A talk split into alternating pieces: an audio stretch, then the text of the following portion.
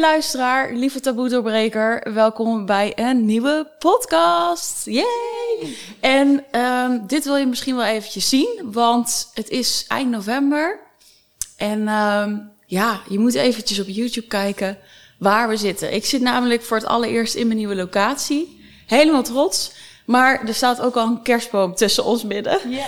Het is wel een mooie kerstboom. Het is een hele mooie kerstboom, zeker. En naast mij zit een prachtige mooie vrouw, mijn nieuwste gast. Wil je jezelf even voorstellen? Jazeker. Uh, mijn naam is Britt. Ik ben 33 jaar, uh, getrouwd, moeder van een aantal kindjes, vijf wel geteld. En uh, ja, ik kom hier mijn stuk van het verhaal delen. Iets waar weinig over gesproken wordt of mag gesproken worden. Er is een heel groot taboe op. Dus ik vind het wel tijd dat we die gaan doorbreken. Ja, top. Hey, en je zei al van, uh, ik heb uh, vijf uh, prachtige kindjes. Ja. Kun je ons eens meenemen in ja, wie dat zijn en hoe oud ze zijn? Ja, de Ook oudste is acht jaar, is de jongetje, Jona. En dan de tweede is Dani en die is zeven jaar. De derde is Menno, die is vijf jaar oud. En dan hebben we meisje Nina en die is nu drie. En dan heb ik Max nog en die is nu tien maanden oud. Ja, lekker. Nou, ja. En ook voor als je meekijkt, nee, het is niet aan je te zien. Nou. Dat hoor je vast vaker, of niet? Ja, nou Zo'n ja. cliché-opmerking, zo lekker even oppervlakkig. Ja, ik zeg, ik ren ook de hele dag achter die boekjes ja. aan. Dus ik ben ook wel echt altijd daarmee bezig. Ja, snap ik. hey, en uh, we zitten in het maandthema kinderen. En we gaan het natuurlijk hebben over best wel een serieus thema. Je zei het ook al, van het is taboe. Uh, ik ben wel even benieuwd, want uh, voor de mensen die natuurlijk de boekkast luisteren, die hebben ook een aflevering gezien over het niet willen hebben van kinderen. En hè, wil mijn partner, als het, als het niet lukt bij mijn partner, blijf het dan bij mijn partner. Uh, ik ben even benieuwd naar, heb je altijd gehad van, ach, een groot gezin, vijf, zes, misschien een heel elftal. Ik vond dat, dat leek me nou heerlijk. Of hoe is dat gegaan? Ik denk vroeger dat ik het wel altijd wilde, maar er is een hele lange periode geweest dat ik helemaal geen kinderen wilde. Um, ik kom zelf uit een gezin met zeven kinderen. Mijn man uit een gezin met vier kinderen. Dus we zijn wel wat drukte gewend. Um, maar eigenlijk kochten we een huis met het idee, we willen voorlopig nog geen kinderen. En voordat de verbouwing af was, hadden we een kamertje over en wilden we die vullen. Dus daar is het eigenlijk mee begonnen. En uh, ik wilde al heel snel ook een tweede, omdat ik het gewoon graag samen wilde laten opgroeien. Ja. En die tweede werd een derde, en die derde werd een vierde, en die ja. vierde werd een vijfde. Dus maar nu is het klaar. Ja, zeker? Ja, zeker weten. Niet als die online komt dat je een berichtje stuurt. Nou, Vee, het is toch... Uh, Dan mag je die nog even delen. ja, maar ik denk het niet. Nee, ja. Nou, mooi. En uh, is, is dat dan ook... Uh, is, was het ook bewust vijf dan? In eerste instantie niet. Oké. Okay. Um, we waren eigenlijk bij drie... Vonden we het eigenlijk wel goed. Ik, ik ging ook in behandeling. En daarna was ik onverwacht toch zwanger. Um, ja, die lieten we natuurlijk wel komen. Um, en toen, anderhalf jaar later, was ik wederom zwanger. Um, maar dus ongepland. En die zwangerschap is met tien weken misgegaan. Dus toen heb ik een operatie moeten krijgen om het te verwijderen. Maar ondertussen waren we wel al een beetje aan het idee gewend van er komt een vijfde bij. En toen heb ik ook al heel duidelijk naar mijn man gezegd van ik wil mijn zwangerschapsperiode wel positief afsluiten en niet met een operatie en een miskraam. Dus toen zijn we nog voor de vijfde gegaan en gelukkig was dat heel snel raak. En ja, ja nu vind ik het ook echt compleet. Ja, en blij mee. Ik zie je ook stralen ja, als je het erover hebt. Ja, dus... ik ben hartstikke blij met, ja. met de kinderen. Ondanks dat het ook gewoon super zwaar is af en toe. Um, ja, doen ze ook wel weer iets voor je. Ja, ik ben geen moeder, maar ik, ik denk dat zoveel ouders denken... ach, wat heerlijk dat Brit het even gewoon zegt het is inderdaad soms ook moeilijk. Omdat ze soms alleen maar het leuke zien of weet ik het wat. Het is hartstikke moeilijk. En daar wordt ook niet over gesproken. Ik bedoel, nee. Ja, ik denk niet dat je mijn huis nu moet zien qua, qua chaos. en ja, het, je bent de hele dag aan het opruimen. De hele dag wel aan het mopperen ook. Op het letten. Zeker nu ook met social media. Je hebt de hele wereld in je woonkamer zitten. Je moet ook oppassen. Wat vangen de kinderen op? Wat, wat wil je niet dat ze al horen? Wat wil je niet dat ze opzetten? Dus je hebt eigenlijk ogen tekort. Hmm. Ik sta s morgens om zes uur op. En tegen acht uur ben ik kanonnengaar. Ja. Dan heb ik alleen maar de hele dag gezorgd. ook, die is leuk. heb ik echt alleen maar de hele dag gezorgd. En dan ben ik ook gewoon blij als ze allemaal in bed liggen. En dat ik denk van, pff, mm. tot morgen weer. Ja, precies. Ja, en, en, en heb je dan s'avonds wel dat je denkt, oh, ik heb nog wel even tijd voor mezelf? Of voelt het als, nou, ik moet eigenlijk naar bed. Ja, ik, ik moet echt naar bed. Oh ja. Ja. ja. dat lijkt me ook wel intens, want dan gaat het echt wel... Snap je, dan is het echt tuurlijk je goters. En dat, dat zeggen ouders van, ja, je kind zit sowieso eh, op één, volgens de meesten. Maar dat lijkt me wel moeilijk van, oké, en waar verlies ik mezelf dan bijna? Ja, op dat punt zit ik nu ook wel. Dat ik denk van, oh goh, wat, wat, wie ben ik nog? Wat wil ik nog? Waar wil ik naartoe? Ehm, ik ben nu fulltime bij de kinderen, wat ik natuurlijk ook prettig vind. Maar van de andere kant is mijn wereld ook wel heel klein. Ik kom amper nog buiten. Ik ben de heel, heel dag bezig met huishouden, poetsen, koken, huiswerk meemaken. Veters strikken, poepluiers verschonen. Dit, de hele dingen, maar er is geen stukje Brit meer. En mijn man werkt wel de hele, heel de dag. En die heeft dan nog verhalen die hij mee naar huis kan nemen. Ja.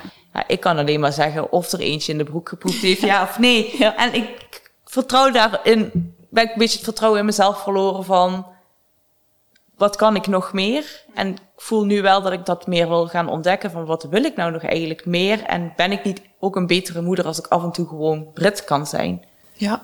Kan ik even ergens opladen? Ja, super mooi, denk ik. En heel eerlijk. Ja, en Ja. ik denk ook dat alleen dat al is een taboe. Ja, daarom. Want Ja. niemand durft toe te geven dat het ouderschap gewoon rete zwaar is en ook niet altijd even leuk is. Hmm. En ik ben totaal geen blije moeder die naar een binnenspeeltuin mag. Hey, ik word dan nog gekker dan dat ik al thuis word.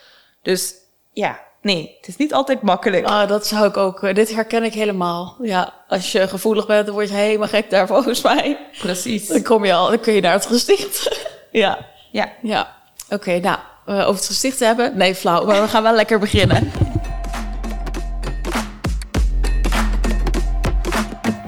Nou, ja, ga ik dan meteen met de deur in huis vallen? Hè? Hoe was die periode? Nee, dat is misschien een beetje kort, maar... eh, of eh, heel snel, eh hoppakee. ik was wel benieuwd naar... Kun je ons meenemen naar nou, Brit nog voor de kinderen... en hoe jij jezelf dan zag toen je, nou ja, toen je jonger was? Of, ja, ja, ik denk dat ik altijd wel een beetje een onzeker meisje was. Ehm, basisschooltijd, wel met pesten, groepjes, kliekjes vormen, is natuurlijk normaal. Voelde me daar altijd al buiten vallen. Middelbare schooltijd, flink gepest. Ehm, de opleiding die ik daarna heb gevolgd, de doktersassistenten, idem weer gepest, weer eh, klein gemaakt. Dus die onzekerheid die zat er altijd wel in. En ik denk dat ik het nog redelijk goed heb kunnen eh maskeren door bezig te blijven en door te gaan en door te gaan en door te gaan. En ik was altijd aan het werk. Ik werkte 40 uur in een praktijk. Ik gaf daarna nog zes van de zeven avonden dansles. School, ik ging maar gewoon door, door, door. En ik denk dat het bij mij daardoor eens zo hard is gekomen toen mijn eerste geboren was en ik echt, ja, stil moest vallen. Ben ik hem dankbaar voor. Ik heb heel veel van mezelf kunnen leren daarin, maar ik viel opeens stil. Ik ging parttime werken, 32 uur dan wel, maar de danslessen vielen weg, het sociale viel weg. Ja, er is niet heel veel tijd meer om nog met vriendinnen af te spreken. Dus ik denk dat ik daar heel erg op mijn plek werd gezet en heel erg bewust van werd, eh, werd dat ik heel veel dingen had weggestopt en niet had verwerkt. Ja, dus als ik je goed hoor, je was gewoon eigenlijk alleen maar bezig, bezig, bezig. Om eigenlijk, ja, of alles wat je voelde of had meegemaakt, dat, dat had geen, gewoon helemaal geen plek. Geen, eh, Nee, ik stond er niet voor open. Ik wilde er niet voelen. Ik wilde er niet naartoe. ja. Dus ik bleef maar bezig inderdaad om ja, het gewoon niet meer bezig te zijn. En alleen maar te focussen op harder en harder en harder en rechtdoor. ja, precies. En je zei van, hé, eerste kind is eigenlijk best een shift geweest. Voor je, hè, op dat moment misschien helemaal niet leuk, maar was wel nodig. Wat is dan iets wat, of wat is er dan allemaal naar boven gekomen als je al zo lang eigenlijk aan het rennen bent? En dan opeens, oh, zo, dat, dat, dat lijkt me nogal intens en een hele beerput die dan open gaat. Ja, was het ook wel. En ik denk dat in eerste instantie gewoon die onzekerheid weer heel erg omhoog kwam. En ik natuurlijk, als eh, eerste kind, dan wil je alles perfect doen. Eh, spoiler alert, dat kan niet. Ehm, Oh, jongens, let op. Ja. Maar ja, ik wilde het wel heel graag. En ik denk dat ik daarmee ooit ook een paar opmerkingen heb gekregen van... Oh ja, je hebt nog wat kilo's over van de zwangerschap. En ehm, ja, je bent niet meer zo sociaal. Dus dat werd, mijn onzekerheid werd daar wel enorm in getriggerd. En ja, ik raakte in de stress. Ik, ik moest het toch perfect doen. Ik was, ik was niet meer perfect. Ik was niet meer die, diegene die altijd maar doorging. Was dat voor jou perfect? Dat je altijd maar doorging en, en je job en je studie en, en, en danslessen en... Niet perfect voor mij, maar wel voor de mensen om me heen. Mhm. En dan was er in ieder geval geen afwijzing. Was er in ieder geval iets van waardering die ik van hun kant kreeg, die ik mezelf niet gaf. Dus nee, het was niet perfect, maar het voelde wel al meer van, ik ben voor iedereen aan het rennen. Dus do, doe ik er in ieder geval toe. Ja, precies. Dat, dat was iets wat je dan eigenlijk niet van binnenuit voelde. Nee. Van ik doe er toe of mag Nee. hier zijn. Nee. Snap ik ook wel als je al zo lang gepest bent. En ik hoorde net ook dat ik denk, op een, een, een vervolgopleiding, word je dan ook gepest? Ja. Ja. En wat was dan iets wat, waar, waar ze je... Wat is, is, is er iets dan een rode draad waarvan je zegt... ja, dat is iets waar mensen altijd mee, mee hebben gepest? Of was het telkens net iets anders? Gewoon omdat je ergens die onzekerheid... dat mensen dat voelden? De middelbare school denk ik dat het met name was omdat ik uit een groot gezin kwam. En ja, ik gaf ook niks om mode of zo. Dus het was ook niet, dat was ook niet haalbaar binnen ons gezin. Om daar super chic eh, mee te doen met alle trends. Je bedoelde ook qua financiën. Ja, Ja. dus en ik gaf er ook niet per se heel veel om. Maar ja, daar word je dan wel eh, op aangekeken. En voor de, de opleiding daarna voor doktersassistenten... denk ik inderdaad dat ik al heel onzeker binnenkwam. Van, oeh, als het maar niet hier opnieuw gebeurt. Dus dat voel ik mensen ook wel aan. Ehm, en daarnaast, het was, het was een hele pittige opleiding die ik echt letterlijk met twee vingers in de neus deed. En dat frustreerde natuurlijk ook weer andere mensen eh, om me heen. Ehm, maar ja, en dan werd je daar weer mee gepest. Van, Ja. oh ja, je, door jou lijken wij nog dommer, weet je. Eh, nu denk ik, ja, je was gewoon niet met... ja, Je was gewoon dommer. Nee, ja, nee, daar gaat het niet om. Maar ik, ik, had daar, ik gaf er ook alles voor, voor die Nee, ik opleiding. snap wat je ik was er ook gewoon echt goed mee bezig. En ik, had, ik ging niet uit en ik ging niet stappen. En dat, ja, die andere mensen wel. Dus dat, ja, dat gaat dan niet in je studie zitten. Maar dus wel, hè, soms de ander dan... eh, tenminste, ik kan me voorstellen dat je dan soms de ander hebt gevolgd in zulke situaties. Ja, Ja. ja. Terwijl het klinkt ook van, oh ja, dat was eigenlijk dus ergens je kracht. Maar mensen dat dus het juist anders neerzetten. Ja. Ja. ja zeker. Ja, oké. En ehm, hè, je zei van oké, en toen kwam die onzekerheid dus nog meer. Mhm. Eh, hoe is dat uiteindelijk dan, eh, nou ja, geëscaleerd, misschien een verkeerd woord, maar naar wat er daarna dan is gebeurd? Ja, laat ik vooropstellen dat ik denk dat ik al vanaf de ja, eh, puberteit wel mentale problemen had. Er zitten bepaalde periodes in dat ik denk, oh, toen zat ik echt in een dip. En toen was ik echt heel streng voor mezelf. Maar dat kon ik iedere keer weer wegduwen door maar weer iets nieuws erbij te nemen. Ehm, en na de geboorte van onze oudste werd ik een keer aangesproken van... oh, je hebt wel best wel nog wat kilo's eraan plakken... en je lichaam is helemaal veranderd. Wat logisch is. Ik was net een baby gebaard. Ja. Ehm, maar daar was ik gevoelig voor, want ik was bang dat ik wederom afgewezen werd. Dus toen ik zes maanden na de geboorte van onze eerste eh, zwanger bleek van de tweede, toen had ik in ieder geval het voornemen, ik ga dat niet nog een keer laten gebeuren. Dat ze me dat kunnen zeggen. Ik wil deze zwangerschap er perfect uitzien. En dat begon heel onschuldig met, oké, wel gezonder eten, eh, niet zoveel meer snoepen, ehm, daar rustiger in, eh, in te gaan. Terwijl bij de eerste had ik al alles waar ik zin in had. Ik was toch zwanger, mocht toch.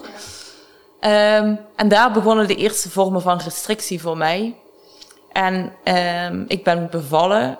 En daarna kon ik ook weer alles. Want hè, ik had me goed aan de regels gehouden. Dus mijn kritische kant in mijn hoofd die was tevreden. Je mag weer even los. Maar ik was nooit helemaal los van die kritische stem. En ehm, toen ik zwanger was van de derde, heeft die kritische stem de overhand gekregen. Ik, was, ik zat in een prenatale depressie, dus het is een depressie in de zwangerschap.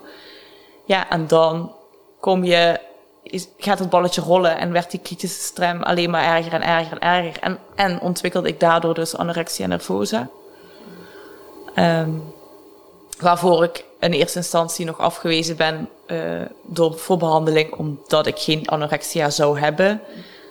Ehm, en na de zwangerschap heb ik opnieuw aan de bel getrokken van ik heb nu hulp nodig.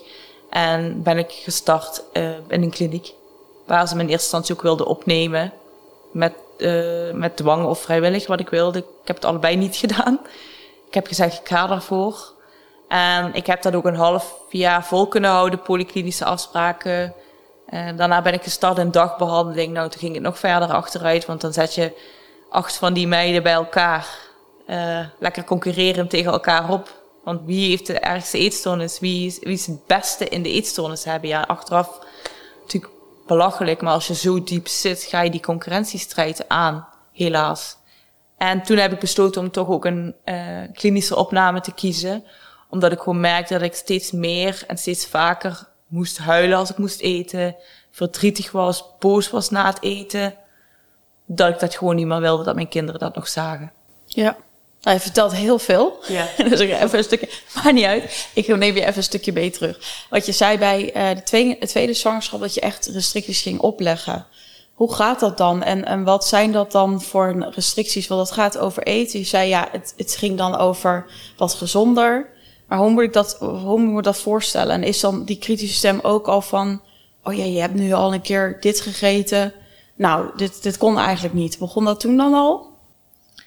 Uh, ja, het was nog niet zo streng als later op. Mm-hmm. Maar ja, in, als je in een omgeving zit met uh, diëtende collega's, nou, wie heeft ze niet? Uh, ik kon gewoon hun, hun dingen volgen. Ik was nooit dik. Ik ben ook nooit dik geweest. Ik ben altijd super slank geweest. Maar toch, zij waren altijd aan het diëten. Dus ik kon me daar aan meten. En wat zij mochten, dat mocht ik dan ook. Als zij niet mochten, dat deed ik dan ook niet meer. En af en toe was het natuurlijk wel eens een uitschieter. Die gunde ik me ook nog wel. Ja, toen nog misschien. Toen nog. Ja. Maar ja, over het algemeen was het vooral heel erg opletten, opletten, opletten. Ja, het is wel grappig wat je zegt. Want je zei net ook al helemaal aan het einde van in de kliniek zat ik al samen. Maar dus ook al met collega's had je een strijd. En ik nou, hey, ik ga dit het beste doen. Ja, Ja, ja ik, ik weet ook nog dat ooit een keer tegen mijn man heb besproken dat hij zei van, waarom laat je dit niet los? Dat ik zei, maar ik heb nu eindelijk iets gevonden waar ik goed in ben. Andere mensen falen dieet na dieet en ik kan dit goed. En nu denk ik, oh, had me alsjeblieft wakker geschud. ja. Ja, het echt het eh, diepe verlangen om iets goed te willen doen. Toch eigenlijk weer zo'n, hè, de onzekerheid dan op die manier te proberen te vullen. Ja. Zo klinkt het dan. Ja. Hè? ja. En je zei bij de zwangerschap dat je echt last kreeg van, hoe, eh, van eh, de, de, de depressie en, en dus de eetstoornis. Hoe gaat dat met zo'n kleintje in je buik? En wat gaat er dan door je heen? Want ik kan me voorstellen dat je en denkt, ik word nu moeder, ik moet krachtig zijn. En je wordt eigenlijk overgenomen door gedachten. kan me niet heel veel energieke periodes herinneren van die zwangerschap. Uh, de zwangerschap begon ook wat spannend. Ging het hartje wel kloppen, ging het hartje niet kloppen. Klopte heel traag. Het was ook nog wel de vraag of het kindje door zou gaan. Dus het begon al uh, spannend. Um, ik, en ik werd gewoon over... Ik, ik moest ook met bedrust op een gegeven moment, omdat ik gewoon constant harde buik had bij de derde zwangerschap. En dan komt die wereld helemaal op je af. Dus dan zit je thuis met twee kindjes. Um, De man is dan werken. man is werken. Ik uh, Jij deed het dan met Ja, de twee. En ja. ook Ik- nog zwanger. kan me niet meer echt positieve gevoelens toen nog herinneren. Ik genoot wel van dat kleintje in mijn buik. En het was ook heel dubbel, want ik wist dat ik ervoor moest zorgen. Maar ik wilde er eigenlijk niet voor zorgen, want ik wilde niet meer voor mezelf zorgen. Dus het was een hele moeilijke periode. Ik kan dat nooit in woorden uitdrukken. Hoe heen en weer getrokken je wordt in één hoofd. Nee, nee, maar ik kan wel ergens de energie voelen. En denk misschien luisteraars ook van wat voor strijd dat dan is. Dat is een absolute strijd. Ja. Hey, en voor eh, een beetje hè, advocaat van de duivel. Er zijn nu mensen die luisteren. Ben jij zwanger geworden van een derde? Terwijl je gaat, het gaat niet goed met je. Of het ging al niet goed. Ja. Ja, ik snap die reactie wel. Ik snap die gedachte ook wel. Maar ik denk dat ik nog steeds niet door had hoe Ja. diep ik erin zat. Omdat ik al van mijn jeugd af aan gewend was dat ik periodes had dat ik ja, die, die dips had. Ja. Nee. Ik, zou, ik zou nu, ja, ik zou nooit bewust kiezen als je mentale problemen hebt om dan te kiezen voor vijf kinderen. Maar het was ook voor mij wel heel helpend. Ja. Zij spiegelden mij constant. Ze spiegelden me nog steeds iedere dag. Zij vertellen mij of ik gespannen in mijn vel zit. Want ik merk dat aan hun gedrag. Dus het is niet alleen maar negatief. Nee. Ja, dan kan ik me voorstellen dat mensen denken, nou goed, hè, moet je daarvoor een kind als spiegel? Maar Tuurlijk niet. nee. Nee. Maar ik snap helemaal wat je zegt. Ja, ik denk dat kinderen dat sowieso doen. Dat dat het mooie is aan kinderen. Bij kinderen lieg je niet. Ja, die voelen je energie gewoon. Mhm. Ja. Ja, precies. Hey, en, en, en hoe zag wat je zei van ik had weinig energie, maar moest toch voor die kinderen zorgen. Dus is het dan voor mij een beeld van oké, ik zorgde daarvoor en voor de rest ik had geen buffer voor ieder, voor, voor iets anders, voor mezelf. Het was echt letterlijk alleen maar die kinderen en als die op bed lagen, oh gelukkig en En huishouden. en huishouden. Ja, ja. want on- met al die eh, strenge gedachten in mijn hoofd ontwikkelde ik ook een vorm van OCD. Het moest allemaal schoon, er mocht geen vlekje zijn. En doe dat maar eens met twee kinderen. Mhm. Ehm, en omdat die andere twee nog heel jong waren, hadden ze wel nog hun slaapjes gedurende de dag. Maar ik, ja, ik moest door, ik moest door, ik moest door. Ik mocht niet stilvallen. ja. Dus af en toe ja, kreeg ik kreeg een longontsteking in de zwangerschap. Ik moest plat. En ergens vond ik dat ook heel fijn. Dat ik even moest. Dat ik even een reden had van... Kan nu even niet door. Ja, altijd gun je jezelf Nee. anders niet. Nee. Ja, daarom krijgen we dat soort dingen heel vaak. Mhm. Waarom waarom worden mensen ziek?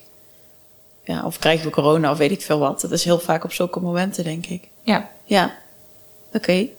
En ehm, nou, dat is eigenlijk die hele periode verder gegaan. Eh, of tenminste, eh, de gedachten of, of, of... Maar ja, tot, tot denk ik ehm 34, 35 weken zwangerschap. Toen kreeg ik een bloeding en weeën. En toen ben ik naar het ziekenhuis gegaan. Ehm ben ik ook opgenomen, omdat ze ook wel zagen dat ik mentaal er best wel doorheen zat. En ze ook niet goed wisten van, ja, wat gaat deze baby nu doen? Ehm, Nou, dus best nog wel heel spannend als je zoiets meemaakt. ja, Ja. maar ik kon het niet meer voelen, want ik was ja, je was natuurlijk helemaal uitgecheckt. En Ja. zo, ja. En toen weet ik nog dat er een psychiater bij is geroepen van, ja, ik ga deze mevrouw eens beoordelen. En dat de gynaecoloog letterlijk tegen me zei, ja, wat wil je dat ik hier kom doen? Dat ik die boterham met je kom eten? Ik zeg, ja, die boterham is niet het probleem, het zijn de gedachten eromheen. Ik weet dat ik moet eten, ik heb een kleintje in mijn buik. Maar de gedachten eromheen, daar zou ik graag hulp bij krijgen. En mijn kindje is uiteindelijk geboren met 36 weken en, en drie dagen, denk ik. En pas toen ik met ontslag mag, mocht, kwam een assistent psychiatrie vragen van wat kunnen we eigenlijk voor je doen? Ik zeg, ja, nou, niks meer. Ik heb hier nog twee weken gelegen. Daar hadden jullie misschien iets in kunnen doen, maar nou ga ik naar huis. Met mijn kleintje. En ik zoek verder hulp, maar niet meer in dit ziekenhuis nu. lijkt me ook wel, ja, dat is het goede woord, eenzaam. Of hè, van kijkt er iemand wel echt naar me om dan? Nee, dat, dat, zo voelde ik het niet. Nee, precies. Ja, en dan, ben, en dan ben je weer net opnieuw moeder geworden. En alles wat door je heen gaat, dan denk je, god, ja, ik moet wel hier helemaal alleen doen. Ja, en dan had ik dat stemmetje nog die zei, zie je nou, je Ja, bent nog steeds niet goed genoeg. Er moet Ah, ja. meer, het moet erger, het, je moet het duidelijker maken dat je die hulp nodig hebt. Nou, en dan eh, ga je daar wel tegen moeten vechten, tegen Zo, ja, ik had er eigenlijk nog nooit over nagedacht. Dat mensen wat ze zeggen, of wat, of wat je dus meemaakt, dat het een oproep kan zijn naar nog meer het gedrag wat je, waar je niet heen wil. Mhm. Dat heb ik je net ook horen zeggen voordat we deze opname deden. Van, hè, waarom, waarom ze dachten, ik heb geen anorexia. Omdat je zei van, ja, ik eet nog, of dat jij had zat, ik eet nog koolhydraten. Ja. En dat je dus mensen in een richting stuurt van, oh, wacht even, dan moet ik de koolhydraten laten staan. En nu ook weer is het wel erg genoeg. En dan dat jouw gedachten op dat moment denken, oké, dan laat ik ze het wel zien. Ja, ik, had, ik kon ja, verbaal denk ik niet duidelijk genoeg maken hoe erg het in mijn hoofd tekeer ging en hoe slecht ik mij voelde mentaal. En de eetstoornis werd van mij een uiting van, ja, kijk dan jongens, help me alsjeblieft. Want ik kan het niet vragen, lukt me niet. Maar voor mij was dat wel een soort vertaling. En dus als mensen het niet zagen, moest ik het duidelijker maken. En hoe heeft ze dat, dat geuit? Kun je ons meenemen in wat voorbeelden of hoe je, hoe je dagen er dan uitzagen rondom het niet eten of het zo weinig, weinig mogelijk eten? Helemaal toen je was bevallen, want dan hoef je natuurlijk eigenlijk niet meer voor het, het, het leven in je te zorgen, maar alleen voor jezelf. En de borstvoeding. Ja, het was voor mij een enorme stok achter de deur. Ik wilde daar ook niet mee stoppen, want ik wist dat dat mijn stok achter de deur was. Dat ik moest eten, dat ik mocht zorgen voor mezelf. Dat ik die rust ook nam met die kleine. Want ja, mijn kritische stem die riep al meteen, geef dat kind flesvoeding, leg je hem in de box, handdoek eromheen, kan die dat zelf opdrinken. Kun jij door? Hup, door. En dat wilde ik echt niet. Dus daar heb ik me wel heel hard voor gemaakt. Maar ja, het gewicht ging er wel snel vanaf. Omdat ik constant maar bezig was ook met, met alle kindjes en alle zorgen en stress. Het vrat me gewoon op. Hmm. Dus ik denk dat ik drie weken na de bevalling uh, een afspraak heb gekregen op de polykliniek voor eetstoornissen. Dus redelijk snel na de bevalling wist ik van ik moet nu doorpakken. Ik vind je wel uh, heel erg bewust in je verhaal. Tenminste, je hebt wel om hulp gevraagd. Waar misschien mensen denken, uh, durf ik dat überhaupt te zeggen of te delen? En ook van, nee, ik wil die borstvoeding blijven geven. Het zijn hele bewuste keuzes, vind ik. Mm Het is niet van, nou ja, laat het allemaal maar hangen. Nee, ik wilde ook niet dood. Nee. Ik wilde voor mijn kinderen zorgen. Ja. Dat, dat voelde ik ook nog wel. Ja, dat voel ik ook in je verhaal. Dat vind ik heel mooi. Maar ja, ik, ik zocht die redenen wel om mezelf dat steuntje te geven van... Ja, ik, ik mag gewoon voor mezelf blijven zorgen, want ik wil mijn kindje nog voeden. Ik wil hem het juiste meegeven. Mm Maar dat was niet makkelijk, want iedereen om mij heen zei: stop alsjeblieft met de borstvoeding. Want het kost ook energie. Ja. Dus hè, ik, dat twee kanten op kunnen gaan. Maar ik heb het nooit gebruikt als zijnde, ik wil afvallen, dus ik ga borstvoeding geven. Dat werd mij iedere keer wel verweten. Oh, zo ja. Maar dat is nooit mijn, mijn idee geweest. Het was meer van, ik moet die stok achter de deur hebben. Dat ik voor mezelf moet zorgen, dat ik mag gaan zitten, dat ik die rust mag pakken. Ja. En dat ik die band opbouw met mijn kindje.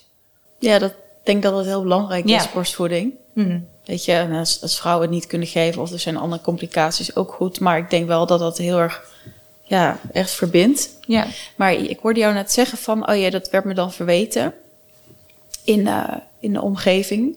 Ik ben heel erg benieuwd, um, hoe is je omgeving mee omgegaan? Je partner, je ouders. Um, zijn ze heel bewust mee bezig geweest? Wat heb jij met ze gedeeld? Omdat het natuurlijk ook best taboe is. Mm. Ik, ik heb uh, ik heb het pas gedeeld nadat ik zelf al naar de huisarts was gegaan. Um, en dat was dus na de derde zwangerschap? In de derde Of in de derde, ja. Dus ik heb al die tijd heb ik het allemaal zelf gedragen. Ik had natuurlijk wel eens hier en daar wat hintjes laten vallen die ze niet oppikt. Ja, logisch niet. Ik was altijd happy de peppy. Ik, ik, was ook altijd aan het eten, laten we dat voorop stellen. Dus het, ja, het viel hun niet op. En ik at op een gegeven moment ook alleen nog maar als er mensen bij waren. Dus mm uh, ja, het viel hun nog steeds niet op. Wel dat ik er gedacht over had, van dat ik, misschien ben ik wat te dik, misschien moet ik wat gezonder eten, dat, dat wel. Maar ik heb mijn man pas verteld toen ik al bij de huisarts was geweest, van, uh, ja, ik denk dat ik problemen heb met eten. Ik ben ook letterlijk zo bij de huisarts gaan zitten, van, er gaat iets mis. En toen was ik ook al niet heel veel aangekomen in die zwangerschap. Dus mijn verloskundige had het natuurlijk ook al gezien van, dit gaat niet zo heel hard vooruit. En ja, dus ik heb ze daarna pas meegenomen. En pas echt toen de diagnose gesteld is, um, hebben we pas de familie meegenomen. Ja. Nou, ik denk dat dit, uh, ik stel natuurlijk niet voor niets al aangeeft, wat het een taboe, dat het zo'n taboe is. En dat je hè, met alles eromheen en wat je misschien al doet, dat, dat mensen het ook niet altijd zien. Omdat jij heel erg je masker op hebt. Mm -hmm. En ze kennen toch de Brit die maar doorgaat. Mm -hmm. Ja. Maar het lijkt me ook zwaar want ergens, weet je, we doen dat. En ergens willen we er niet in gezien worden, maar eigenlijk ook weer wel. Ja. Ja. Ja, dus, het, is, het staat constant tegen, tegen elkaar. Ja. Dus ja, dat was ook heel, dat was ook gewoon heel lastig. En ja, inderdaad, wat je zegt, als moeder zijnde of als ouders zijnde wordt heel vaak verwacht dat je het allemaal leuk vindt en allemaal goed gaat. En dat je blij bent als je kindje dit doet of dat doet of naar de speeltuin kunt gaan. Wauw, ja, nee, het is niet de werkelijkheid. En ja, open social media en je ziet alleen maar leugens daaromheen. En ik vind dat het wel heel belangrijk is dat we daar ook uh, naar durven kijken van wat is nu eigenlijk de werkelijkheid. Mm Nou, bij mij liggen overal sokken op de grond, kruimeltjes. We hadden eigenlijk de opname bij jou moeten doen. Ja, misschien wel, ja. maar ja, het hoeft ook niet altijd perfect te zijn. Nee. Ja, dat vind ik mooi dat het uit jouw mond komt. Ja, dat ja. kan ik nu wel echt zo zien. Ja, precies. En ik heb daar heel lang voor gevochten om tot die zin te kunnen komen van het hoeft niet perfect te zijn. Het is goed zoals het is. Ik ben goed zoals, zoals ik ben. Dat, ja. ja, heeft heel lang geduurd. Maar het voelt wel, ik voel bij jou echt zo, ja, inderdaad, het is zo. En dat het zoveel veel bevrijdender is dan altijd maar te rennen en het masker en iemand anders te zijn dan je misschien bent. Ja, En, en ik heb die gedachte nog wel. Van, oh, je bent niet goed genoeg. Je moet wat, je moet Ja, dit, je moet dat, je moet zus en je moet zo. Ja, wie niet? Ooit, Ja. op, op m- momenten dan. Ja, maar ik durf ook wel daarover te praten. Ik ga nog steeds braaf naar mijn therapie-sessies. Want ik ga door totdat ik echt gevoel dat er niks meer te halen valt. Alles eruit heb Nou, geknipt. schat, heb je even? Ja. Nee, ja, dan ga ik door tot mijn 65ste. Ja, ik denk eh, tot we de kist in liggen, dan eh, dat iedereen er eh, Ja. de heel, je bent je hele leven denk ik ermee bezig. Ja, maar ik, vind, ik schaam me daar ook niet meer voor. Nee, Als mensen me vragen, oh, wat ga je die middag doen? Ik ga naar de psychiater. ja, vind ik echt krachtig. Ja, je zit hier natuurlijk niet voor niets. Nee, Ja. Nee, dus ik denk ook van, ja, nee, waarom moeten we ons daarvoor schamen? ja, Het is Ja. een dokter. ik ben het eens. Ja. Ik ben host van de taboekast, maar Ja. ik denk dat voor veel mensen die kijken of luisteren het eh, heel inspirerend is hoe je dit gewoon zegt. Ja, Ja, want eh, ik ben natuurlijk werk zelf als coach. Eh, ja, naar een coach, dat is al een drempel. Maar ja, psycholoog, psychiater, dat is natuurlijk helemaal... ja, ja. Ja. zeker. En ik- ik ik vind ook wel soms na mijn posts op Instagram of Facebook, krijg ik ook wel eens vragen. En dan denk ik, oh, wat top dat je dit durft te vragen. Ja. Wat top dat je me durft te benaderen. Wat, wat goed. Ik ben trots op je. Alleen al voor het feit dat je die stap maakt om iets te vragen. Ja. Ja, dat is super kwetsbaar. Ik vind het ook altijd heel knap, want op, op de social media of iets onder een post zetten of al iets zelf delen, weet je hoe kwetsbaar het is. Dus dat je zoiets durft is natuurlijk heel knap. Ja. Maar even terug naar jouw verhaal. Je, hè, je, oké, je, je, je familie, die heeft het gehoord. Hoe heb je dat ervaren? Was, wa- was, waren ze een steun voor jou? Begrepen ze wat er in jou speelde? Heb je ze daarin meegenomen? Ik denk dat niemand kan begrijpen wat er echt speelde. Ja. Ehm, ik weet nog dat ik ooit een keer een foto aan mijn moeder liet zien. Ik schaam me daar wel nog een beetje voor dat ik echt gewoon extreem dun was. Dat ik een foto trok omdat ik dat ja, wilde zien. Ik wilde daar. Hoe oud was je toen? Was dat al met je, met je kinderen? Oh ja. En dat ze zei, oh, gelukkig zie je er niet zo uit, hè. Want dan, dan heb je pas echt anorexia. En ik moest haar vertellen dat ik dat wel was. Dat zij dat niet, zij konden dat niet zien. Maar ja, toen voelde ik me wel nog minder begrepen. En het wordt, wordt heel snel gezegd tegen mensen met eetproblemen bijvoorbeeld van, och, eet gewoon. Eet gewoon wat meer. Maar zo simpel is het niet. Net zo goed als dat je tegen een depressief persoon niet kunt zeggen: ga gewoon eens even lekker naar buiten. Dat kan niet. Dat is niet zo simpel. Het is niet gewoon. Dus ja, dat, dat vond ik vooral wel lastig. Om dan iedere keer toch wel die opmerkingen ook wel te krijgen van ja, je wilt toch beter worden, dan eet. Eet gewoon. Eet een zak chips, eet een pak donuts. Ik wilde dat wel, maar ik mocht het niet van mezelf. Precies. Dus daar was heel veel onbegrip over. En heb je ook steun ervaren? Na een zoektocht heeft mijn man het uiteindelijk wel kunnen begrijpen. Maar het heeft wel even geduurd. Hij, hij was ook wel van die woorden van, ja, eet gewoon. Het is normaal. Het is iets wat we allemaal doen. Maar hij heeft later ook pas geleerd, echt na twee, drie jaar de diagnose denk ik gehad te hebben, dat hij echt pas met iemand heeft gesproken die hem heeft uitgelegd van, hoe gaat dat nu echt? Dat kon ik ook niet. Want er kwamen er emoties bij kijken. We hebben op een gegeven moment echt op een punt gestaan van, kunnen we nog wel samen door? Want we snappen elkaar niet meer. En dat is het punt dat we een fantastische therapeut tegenkwamen die ons heeft uitgelegd hoe het wel moet en hoe we moeten leren communiceren over die moeilijke onderwerpen. Ja, dat heeft ons gewoon gered. Ja. Ik denk ook heel belangrijk voor een partner in alle facetten, of het nou eetstoornis, Ja, alle... verslaving, Mhm. iemand met woedeproblemen, weet je. Het kan van alles zijn, maar dat voor een partner het zo handig is als je weet van oké, hoe werkt het dan bij de ander? En dat iemand anders het inderdaad zegt, want anders zit je alle, je zit in je, je samen in je patroon dan ook. Mhm. Ja. Ja. Ja. Oké, en toen, eh, en je zei het al van, nou, toen ben ik eigenlijk aan mezelf gaan werken. Hoe heb je dat ervaren? In de, in de- of ja, in de vrijwillige, want je wilde het zelf, zei je? Mhm. Ik vond dat heel heftig. En ik vind het ook steeds... Kan ik me sommige stukken gewoon niet herinneren. Waarom? Ik had zodanig ondergewicht dat mijn brein niet meer functioneerde. Ik kon niet meer logisch nadenken. En hoe zwaar was je dan? Ik denk dat ik tijd... Ik ben voor de opname nog moeten afvallen, want ik was te hoog in gewicht voor een opname. Dat is ook bizar eigenlijk, maar... Ja, dus toen heb ik gezegd, geef me een week. En dat is me ook gelukt, want ik wist dat ik die opname moest doen om mijn kinderen te beschermen en ik ga daarvoor. Ja. Dus ik heb in die week heb ik nog alles gegeven voor de eetstoornis, zeg maar. En toen was ik het gewicht bereikt dat ik opgenomen kon worden, was net iets onder de 50 kilo. Dan moet ik erbij zeggen, ik ben een meter 80 lang. Ja, ik wil zeggen, hoe, hoeveel weeg je nu? Uh, ik, ik sta ik nooit meer op de Oh, je doet dat nooit? Nee. Nee, dat hoeft ook misschien niet. Nee, nee ik wil dat niet meer, want het, het, het, het, het krijgt er geen waarde meer aan. Nee, oké, dus check. dus ik wil daar ook gewoon, ja, ik ga er nooit meer op staan. Ik nee. dat ook bij de arts. En als het per se moeten voor medische zaken, dan zeg je, is goed, maar kijk niet. Nee, precies. Dat hoeft hard. Ik wil het niet meer, ja. uh, ik niet Nee, die snap ik. Ja. Maar ja, dus ik had best wel wat ondergewicht. Ik denk dat ik uh, in mijn kliniek op, ja, dat ik toch wel 13, 14 kilo moest aankomen. En mijn hoofd werkte niet meer. Dus ik wist wel dat ik mijn kinderen miste vanuit logica. Dat ik mijn man miste vanuit logica.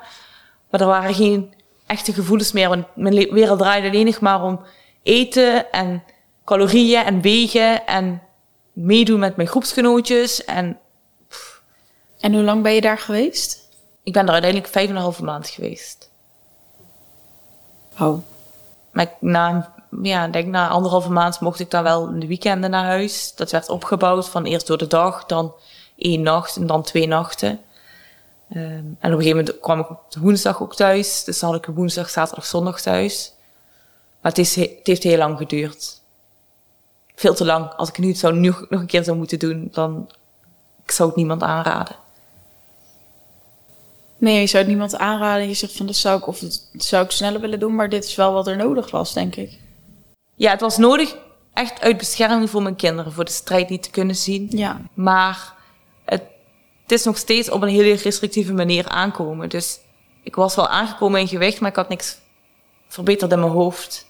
En ik vind dat heel belangrijk dat dat samen gaat. Dus als ik mensen wel eens help met hun eetproblemen, dan zal ik altijd zorgen dat dat samen gaat dat je echt leert restrictieloos eten. En in de kliniek krijg je gewoon je, iedere, je porties. Ja, je portie. En je hoeft ook niet aan te voelen van heb ik nog honger of niet. Als je al honger had, dan werd er gezegd, doe maar niet hoor. Want we willen natuurlijk niet dat je een eetbuisstoornis kreeg. Uh, en ja, dat is natuurlijk dikke onzin. Ik moest herstellen, dus had me laten eten en had me ook zelf laten keuzes laten maken. Had me geleerd dat ik ook chips mocht eten s'avonds in plaats van nog eens vijf boterhammen en een cracker en een beschuit en sojamelk en weet ik veel wat. Had me gewoon geleerd wat weer normaal was. Wat mensen normaal op een bank eten s'avonds. Ja. En uh, hoe ziet dat er dan uit? Want je hebt dan eigenlijk, uh, je zit met de groep en je hebt tijden en je eet samen. Er wordt niet, je zegt, hè, het is me niet echt geleerd. Ik, ik zit dan te denken, oké, maar wat doe je dan de hele dag? Je hebt wel groeps, je praat wel met elkaar? Ja, we praten wel met elkaar, maar het ging grotendeels toch weer over de eetstoornis, terwijl daar het probleem niet ligt. Het probleem zit hem ergens anders. Tuurlijk heb je een eetstoornis, maar die heb je ontwikkeld met een bepaalde reden. En daar was niet genoeg aandacht aan. Uh, of aandacht voor. En ja, die, die dag bestond echt uit van eetmoment naar eetmoment leven. En dan hadden we twee keer in de week een sportmoment. Nou ja, sommige eetstoornissen waren natuurlijk halleluja, ja, we mogen bewegen. Echt, ja. Um, dus ja, ja, het was vooral concurrentie en... Ja, want dat zei je al. Van, achteraf gezien was het echt een soort van strijd, concurrentie. Ja. Merkte je dat ook? Van, yes, ik ben het minst aangekomen nu op het moment van de groep. Of, of hoe gaat dat dan? Hoe heb je dat ervaren? Ik heb dat niet per se erva zo ervaren dat ik blij was dat ik niet, als me eh, niet genoeg was aangekomen. Ik wilde wel gewoon mijn doelen halen, want mijn perfectionisme zat erin. Als ik een halve kilo moest aankomen, wilde ik exact die halve kilo halen kwam het daar weer tot uiting. Ja. maar, maar van de andere kant wel, je werd zeg maar als patiënt erop aangekeken. Dus onderling. Als jij zeg maar in plaats van een halve kilo een kilo was aangekomen. Dat werd allemaal uitgebreid besproken. wat heb je dan gedaan? En wat zou je dan eventueel anders kunnen doen? zou je kunnen missen? Zou je iets kunnen minderen? Dat is zo toxisch. Waarom zou je die boter nog smeren? Als je toch al een kilo bent aangekomen, je hebt nog marge voor de volgende week, kun je wat minder doen ja.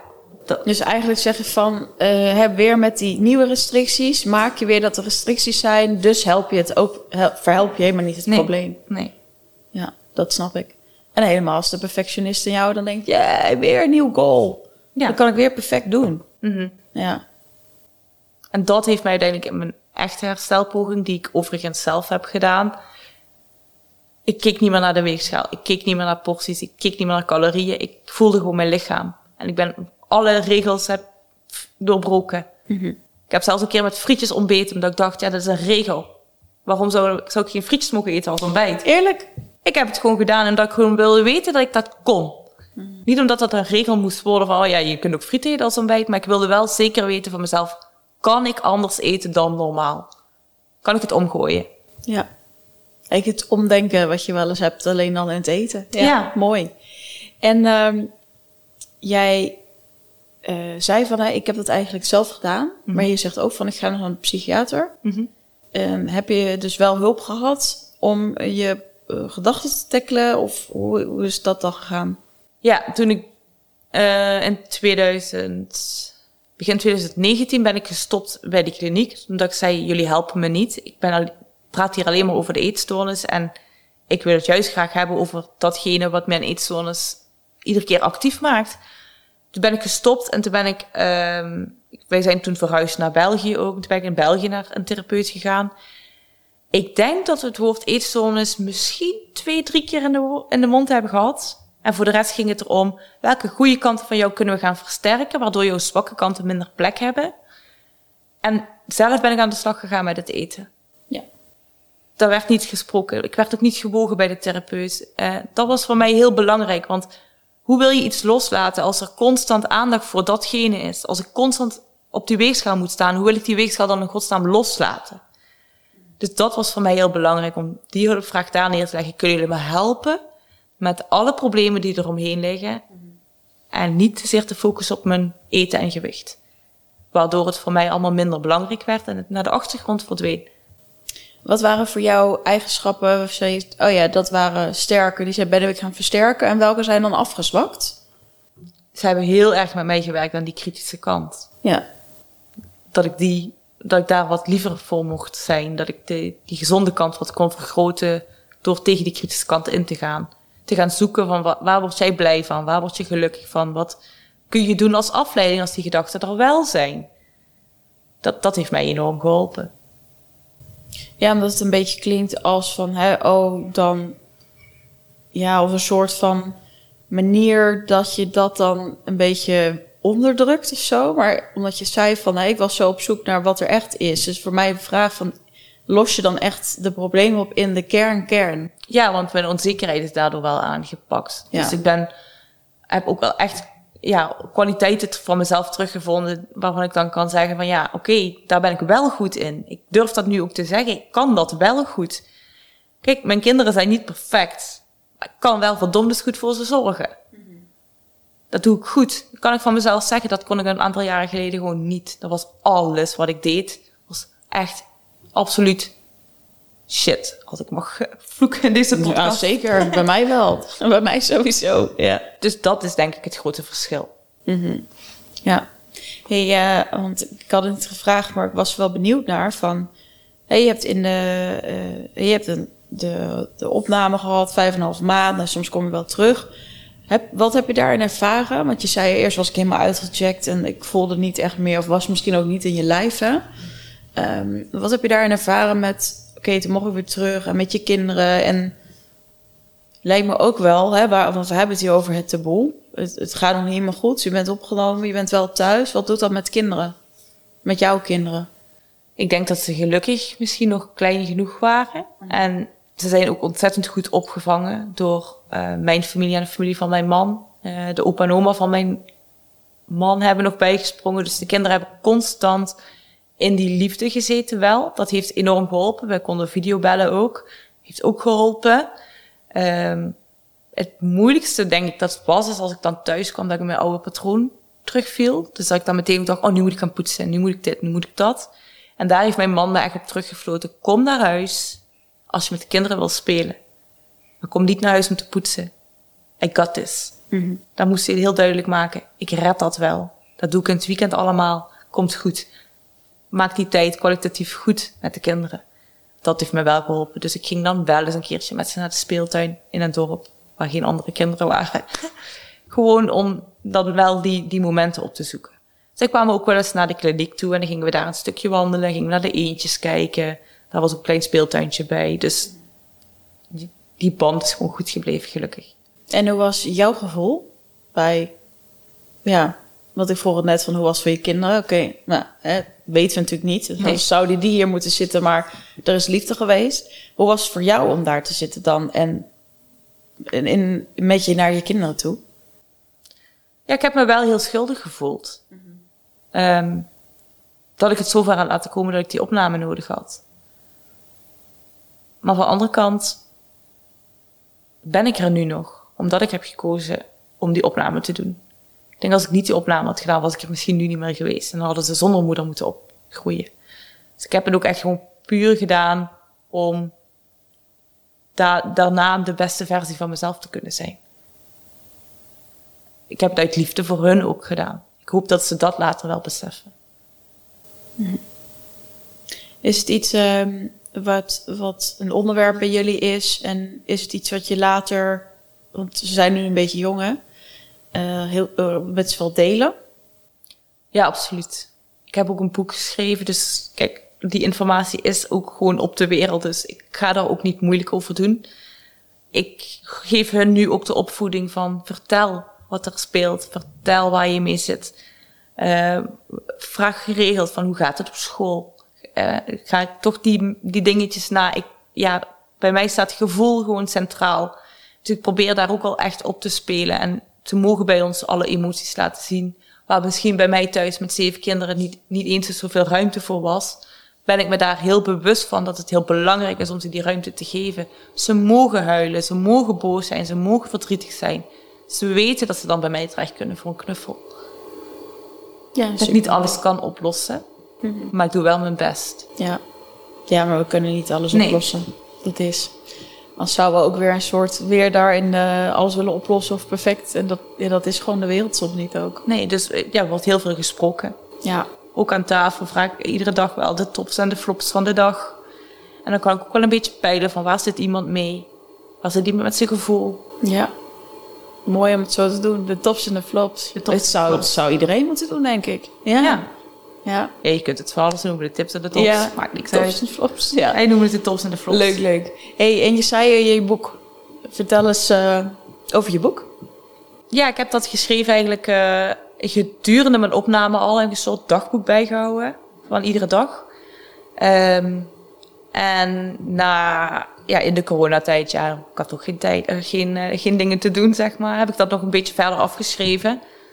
En aangepast, uiteraard. Ehm, ik vond het heel belangrijk om mijn verhaal te delen, zodat hopelijk andere mensen er iets aan hadden. En die hoor ik gelukkig ook terug, dat mensen zeggen, wow, nu snap ik eigenlijk hoe zo'n strijd van een eetstoornis in elkaar zit. Want ja, ik heb dat dagboek ook met alle emoties gewoon gevuld. Dus ze kon, je kunt de paniek lezen, je kunt de, de blijheid lezen, je kunt alles gewoon lezen en voelen. En zelfs professionals die mijn boek hebben gelezen, die zeggen van, we werken al heel lang met eetstoornis, maar we begrepen niet wat er gebeurde. En dat heeft mij gewoon die steun gegeven. Het is geen bestseller, hoeft ook niet, want ik hoef niet de beste te zijn. Ja. Maar ik wilde mijn verhaal wel van me afschrijven en hopen dat mensen er iets aan hadden. Mooi. En dat zijn dus alleen de dagboekfragmenten? Of is het ook nog van, oké, Het is eigenlijk zo ben ik dan Ja. een soort van beter geworden? Ja, het is eigenlijk een dag, deel 1 is het Ja. stukje naar eh, de, de opname toe en in de opname. En daar heb ik een break genomen ook van, oké, daarna zit het volgens mij twee jaar verder. Ben ik, heb ik het terug opgepakt en heb ik daarna het verhaal verteld zoals ik het uiteindelijk heb gedaan.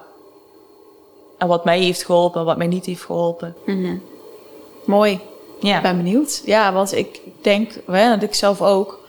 eh, het zijn toch dingen die je denkt moet, er, heb, moet ervaren. Je, als je het niet meemaakt, ik ook, ik luister natuurlijk, kan me ergens iets inleven, maar ook weer niet. Gelukkig maar. En gelukkig misschien. Maar dan is het zo fijn om door een beeld te lezen van iemand die het echt heeft meegemaakt.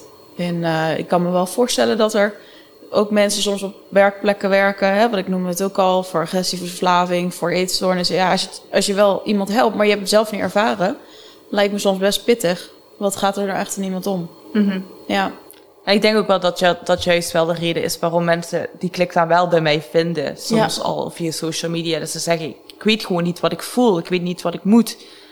En juist omdat ik, ja, ik ken die eetstoornis door en door. Dus ik kan die kleine dingetjes die de eetstoornis nog probeert, die kan ik er gewoon uitpikken. Uh, dat zien professionals niet, want ze hebben die nooit gevoeld. Het zijn zo'n, vaak zo'n kleine dingetjes. En dat ik ook gewoon zeg, ja, maar ik snap je. Ik snap hoe moeilijk het is. Het is rot, het is zwaar, het is vervelend.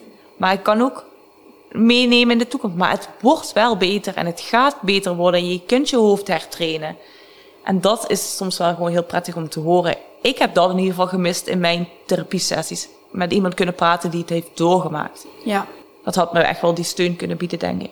Ja, dat is heel herkenbaar. Ik heb ook meer sprekers gehad die dat hebben gezegd. Gewoon echt iemand die het helemaal heeft doorleefd en weet. Ja. Hey, helemaal begin aan de podcast zei je zoiets van... Hè, ik ben altijd een beetje onzeker geweest. Ik zie nu zelf een hele zekere vrouw. Hoe is dat voor je nu? Is dat iets wat je inderdaad ook ja, want je zegt, nou, ga naar de psychiater, dit is mijn verhaal. Maar is dat ook iets wat je zelf voelt nu? Eh, zelfzekerheid zal altijd een dingetje blijven. Kijk, je zei ook een, een supermooie vrouw. Dan, dan denk ik al, oh, ja? vind ik dus niet. Okay. Hoeft ook niet. Uh, maar ik ben zeker, denk ik, 200% zelfzekerder geworden dan voor mijn ziekte. En ik vind ook gewoon dat we uh, daarvoor moeten opstaan dat achter ieder huis, achter iedere deur van alles speelt. En dat het mhm. nergens perfect is. Zeker waar. Ja. Ik had nog wat uh, luisteraarsvragen. Die ga ik nog even aan je stellen. Dat, uh, even kijken. Ik denk dat je eentje heb je al beantwoord. Heb je schuldig gevoeld? Wat was het eerste wat je hebt ervaren in uh, de periode dan van zwangerschap? Of, of nou ja, dat je niet zwanger was, maar in, in de eetstoornis of in de depressie, de gedachten, hoe je het wil noemen? Hoe ik wat heb ervaren, precies? Wat het ergste was het voor jou. Welke gedachte of situatie of... Ja, dat is natuurlijk vrij breed. Ja, het is heel breed. Ik denk, denk toch dat het meer het gevoel was dat ik gevangen zat in mezelf. Ja. En ik bang was dat ik dat mijn kinderen ook zou meegeven. Dat zij ook zo moesten doorleven. Dat, dat denk ik dat, dat het ergste gevoel is wat ik had van wat nu als de kinderen dit ook ja. moeten doormaken. Dat wil ik niet. Ja, dus echt het gevoel, of een beetje bijna het gevoel van schuld. Van wat zou mijn kinderen dan misschien ook weer meegeven of aandoen. Dan. Ja. Ja. Um, Oké, helder denk ik. Wat heb je ooit... Oh nee, wat? Ik lees twee zinnen door elkaar, sorry. Heb je ooit gedacht ze weg te brengen? In de zin van dat jij dus niet meer kon dragen. Of dat je dacht, ja, nou, het is natuurlijk een beetje gek omdat je nog een partner hebt misschien. Maar uh, ja. Nee, ik heb dat nooit gehad. Ik uh, was heel blij met de hulp die, ons aangeboden werd. Van beide kanten van de familie. Maar ook op een gegeven moment ook gewoon vriendinnen die zeiden, wat kan ik doen? Wat kan ik doen? Waar, kan ik je mee helpen? Um, dat heeft me heel erg die, dat gevoel gegeven van ik hoef het niet alleen te dragen. Ik kan ook iemand bellen als het echt even een dagje niet lukt, als het echt even heel moeilijk is. Maar ook het feit dat mijn man steeds meer en meer begrip kreeg, kon ik ook prima tegen mijn man zeggen: Het lukt me vandaag even niet. En dan zei mijn man: Het enige wat ik wil zien, is dat je straks onder een dekentje in een lekkere warme trui op de bank ligt met een zak chips. En als ik daarna nog moet koken als ik thuis kom, prima. Doe jij vooral wat jij vandaag nodig hebt. En dat heeft mij enorm geholpen. Ik uh, hoor al een paar keer inderdaad over jouw man, maar het klinkt wel echt als een, een steun. En oh, daar moet je zelf ook wel stevig in je schoenen staan. Ja, zeker. Ik ben heel trots op hem, want hij is iemand die in het begin van onze relatie heel duidelijk stelde. En dat maakt het ook wel moeilijk om het te delen van... Ik ga geen mentale shit oplossen, hè. Dat, uh, daar ben ik niet van. Daar hou ik niet van. Van die emotionele poespas moet ik niks hebben. Een echte man man. Hè? Ja, dus daardoor denk ik ook wel dat het heel moeilijk was om aan te geven dat ik bepaalde moeilijkheden had. Maar hij is daar zo in gegroeid. Ja. Heeft daar zoveel begrip voor gekregen. Ook omdat hij zelf een dipje heeft ervaren. Toen hij zei van, wow, nu snap ik pas hoe het mentaal en fysiek in elkaar zit en op wisselwerking is. En Klopt. hoe lang dagen kunnen duren. Uh, dat heeft hem enorm geholpen. En ik ben echt enorm trots op het feit dat hij daar zo voor heeft opengestaan. En je denkt ook wel dat je alsgene met het mentale lijden ervoor moet zorgen dat, of moet begrijpen, dat iemand anders jou nooit volledig zal snappen. En dat ook niet nodig is. wij hadden op een gegeven moment gewoon een, een dingetje geleerd vanuit de therapie. Die zei, als je niet kunt verwoorden wat je nodig hebt, of als je niet kunt verwoorden wat er speelt, tik op je schouder. En knuffel elkaar. Hmm. Als je niet kunt vragen voor die knuffel, tik je op je schouder en dan moet hij komen en dan moet hij komen knuffelen. En andersom hetzelfde. Heeft ons zo geholpen dat zelfs onze kinderen op een gegeven moment zeiden. En dat gewoon dacht, ja. ja, kom maar, ik knuffel je, ik heb je gezien, ik heb je gehoord. Ja, ik vind het, heel, het hele mooie, omdat uh, soms doen woorden ook tekort. En je hebt soms ook niet de ander nodig in het begrip, maar gewoon letterlijk het fysieke ook. Ja. Ja. Ja. Zeker. Mooi. Maar ik zei natuurlijk, wat, hè, wat een sterke man. Maar ja, nou, deze ga je misschien dan niet kunnen aannemen. Dan ga ik je weer compliment geven. Maar ja, wat een, wat een, een sterke vrouw ben jij. In de zin van, weet je, ik denk altijd als we dit soort dingen dus hebben meegemaakt en je staat er nog en sterker dan ooit. Ja, wat, wat kun je dan niet aan? Ja, dankjewel voor het compliment. Ik vind complimenten nog steeds heel lastig. Mhm. Maar ja, ik ben het er wel met je eens. Ik heb dit moeten doorgaan om, om meer te leren over mezelf en over mijn leven en de waarde van mijn leven. Um, daar vind ik, ik vind het jammer dat het op die manier moest. Maar ik vind het niet jammer dat ik dat proces heb doorlopen. Want ja, ik ben veel bewuster met wat kan ik, wat wil ik, wat wil ik doen. Ook, ik zou heel graag meer mensen willen helpen met deze problemen. Die heb ik niet voor niks gehad dan. Mm. Dus ja, dat geloof ik ook altijd.